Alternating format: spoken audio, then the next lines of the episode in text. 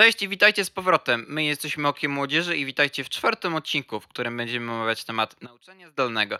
No więc jesteśmy tutaj jak zawsze y, całą ekipą. Ja jestem teraz z Kubą, y, przyszedłem do niego oczywiście. Jestem tutaj i jest. Tak, jestem, dzień dobry. E, no więc zajmujemy się dzisiaj nauczaniem zdalnym, tematem, no tematem tabu dzisiaj, tak? E, tematem, który zmienił nasze, nasze życie tak naprawdę w pewien sposób, bo inaczej się uczymy, inaczej teraz prowadzimy takie interakcje z ludźmi, inaczej po prostu to wszystko wygląda. I jest to w pewien sposób chaotyczne jak na razie, bo jest to jak na razie od dwóch tygodni, tak to się dzieje. I chcieliśmy Wam przedstawić takie zalety tego, tak z naszej takiej strony własnej, co jest zaletą tego, tak, learningu i co jest taką wadą, która przeszkadza nam, tak? I jest bardzo utrudniająca. No więc lata dynamicznego rozwoju internetu sprawiły, że dzisiaj trudno wyobrazić sobie bez niego codzienne życie. Jest to potężne narzędzie nie tylko dostarczania rozrywki i umożliwiania kontaktów z ludźmi na całym świecie,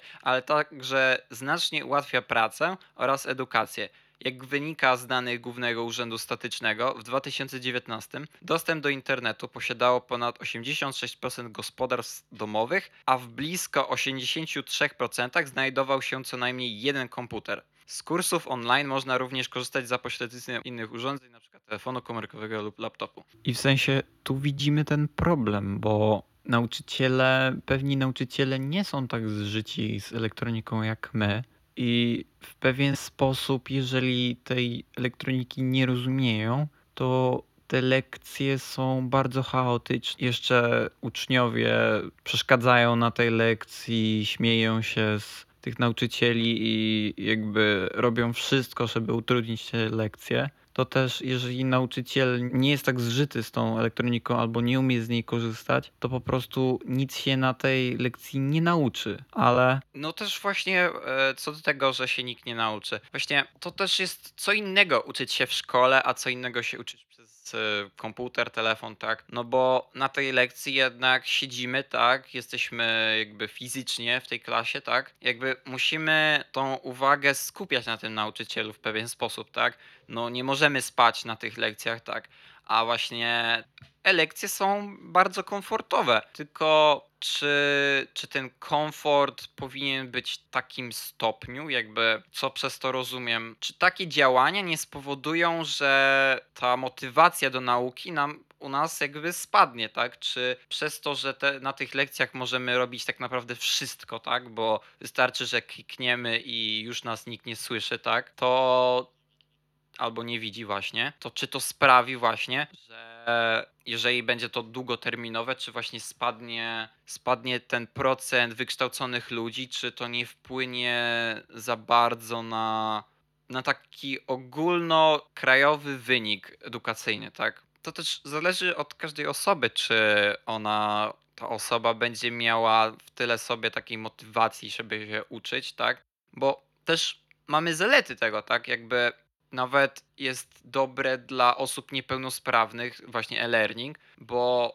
te osoby właśnie nie muszą dojeżdżać do tych szkół, tak? Nie muszą się męczyć z tym, żeby dojechać gdzieś i jeszcze na czas, tak? Oczywiście.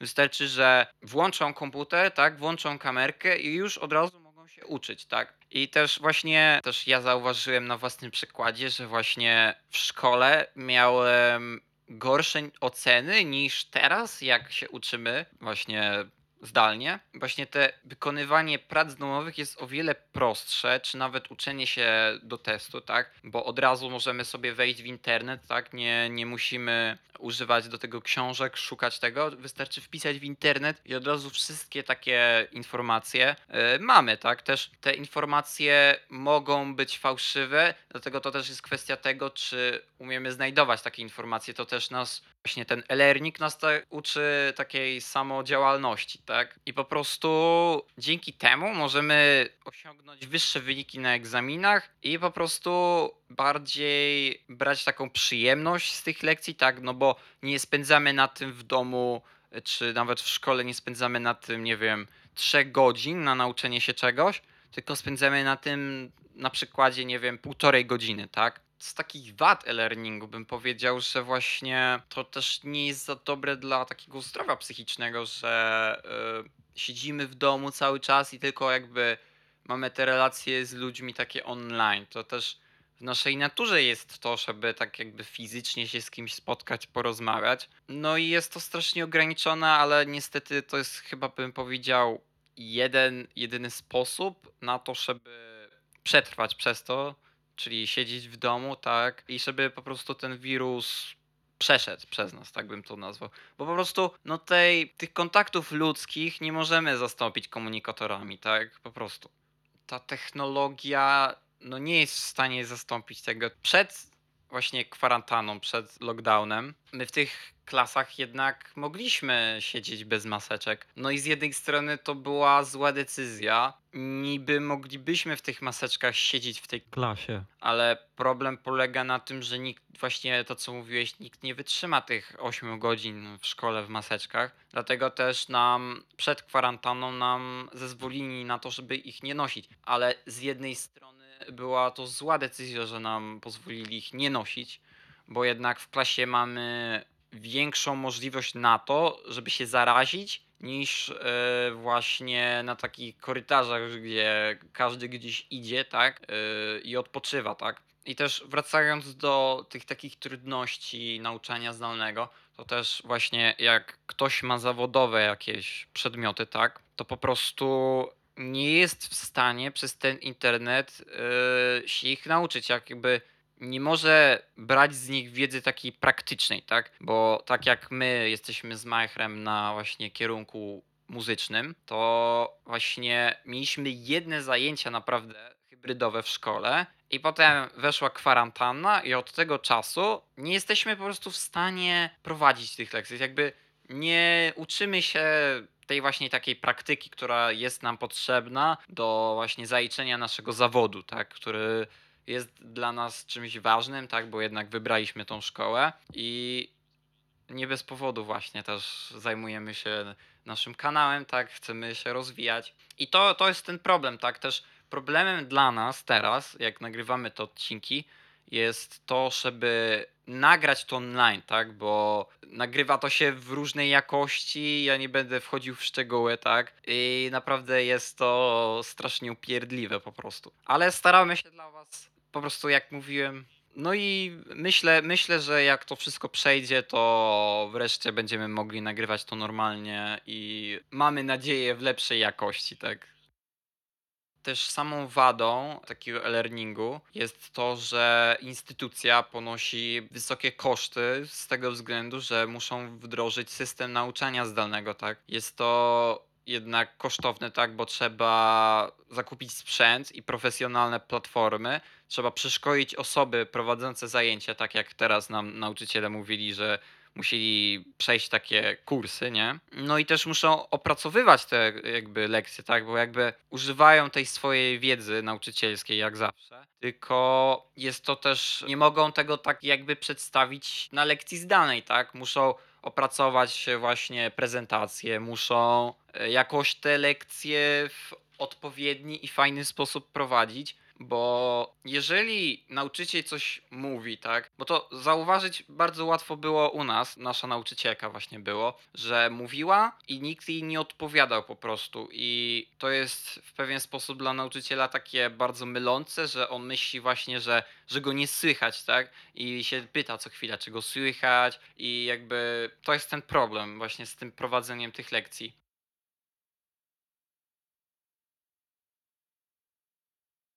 No właśnie i nie powinno się takich rzeczy robić, ale no właśnie, jak już mówiliśmy, człowiek w internecie czuje się bardziej, tak bym powiedział, kozacko niż w prawdziwym życiu, tak? I do takich sytuacji bardzo często dochodzi po prostu, bo no, ludzie się czują bardziej tacy odważni, bym to nazwał, tak? Te wysyłanie tych prac jest utrudnione, tak jakby trzeba wysłać pracę, nie można jakby dać na kartce jak w szkole jakiejś pracy, tylko trzeba ją wysłać. I często nauczyciele nawet nie wiedzą, że nie wysłali tak, tej pracy, albo ta praca jest niepełna. I potem ci nauczyciele z racji tego, że to szkolenie jest jakby, no powiedzmy sobie szczerze, nie każdy nauczyciel umie w pełni korzystać z komputera, tak? Na szkoleniach nauczył się właśnie korzystania z czy to Teamsów, czy Zooma na przykład, to już takich rzeczy jak wysyłanie plików ludziom już nie, nie nauczyli ich, tak? I też często ja na swoim przykładzie wystarczyło, że pisałem jedną literkę źle, tak? To przyznam moja wina. Pomyliłem się z jedną literką w adresie mailowym do nauczyciela i potem przez kolejny miesiąc miałem trudności, bo nauczyciel nie miał komputera w domu, tylko miał komputer u swojej córki i ta córka mu przynosiła jej te pliki. I z tym był duży problem, tak? No i też właśnie to, co mówiłem, tak? Wysyła się też nauczycielom pracę i te prace albo ich nie widzą, albo ich nie dostaną. I jest to upierdliwe na pewno i też nauczyciele nawet, nie mówię, że wszyscy, ale często nauczyciele mają już takie, że y, na pewno mi nie wysłałeś, czy po prostu udajesz, że mi wysłałeś i po prostu wstawiają ci ocenę, nawet nie dają ci się wytłumaczyć po prostu z takiej sytuacji. Też w sumie ja podam swój przykład, że nauczyciele też, no, e, to moim przykładem takim trochę to jest też mój domysł, że nauczyciele myślą, że możemy mieć więcej czasu przez to, że nie dojeżdżamy do szkoły i cały czas siedzimy w domu. I oczywiście ten czas będziemy przeznaczać na naukę. I dla mnie personalnie cztery sprawdziany w tygodniu, z czego dwa sprawdziany są tego samego dnia, to jest trochę za dużo i ja też mam swoje personalne życie i nie mam czasu tylko i wyłącznie na naukę. No właśnie, tych prac jest o wiele więcej, bo właśnie to, co mówił Kuba, bardzo dobra uwaga, że tych rzeczy jest o wiele więcej i to łatwo zauważyć, ale to też kwestia tego, że siedzieliśmy, tak naprawdę mieliśmy te lekcje za pierwszym razem, jak była kwarantanna, to siedzieliśmy pół roku. Ja personalnie u nas w szkole mieliśmy może tygodniowo dwa zajęcia. Tu u nas kolega miał o wiele więcej, bo on do liceum chodzi, ale przerabialiśmy ten materiał, tak? I, i tak jak wróciliśmy do szkoły, to musieliśmy go nadrabiać. Tak. Ja tego, to, tak jak Kasper wspomniał, rzeczywiście miałem bardzo dużo tego materiału, jak była ta pierwsza kwarantanna i dla przykładu z dnia na dzień miałem na przykład 30 zadań z matematyki, co dla mnie było niewykonalne przy ilości jeszcze innych zadań domowych z innych przedmiotów. Nie miałem jak zagospodarować sobie czasu, żeby zrobić wszystkie zadania, żeby nie dostać głupiej bańki po prostu. Po prostu tych ocen było więcej, tych prac było więcej i tyle. Może to zły przykład, ale na przykład co do nieobecności na samej lekcji, tak? Bo u nas w szkole mamy coś takiego, że musimy wejść w wiadomość wysłaną na Librusie, tak? I wtedy nauczyciel to widzi i niby jesteśmy na lekcji, tak?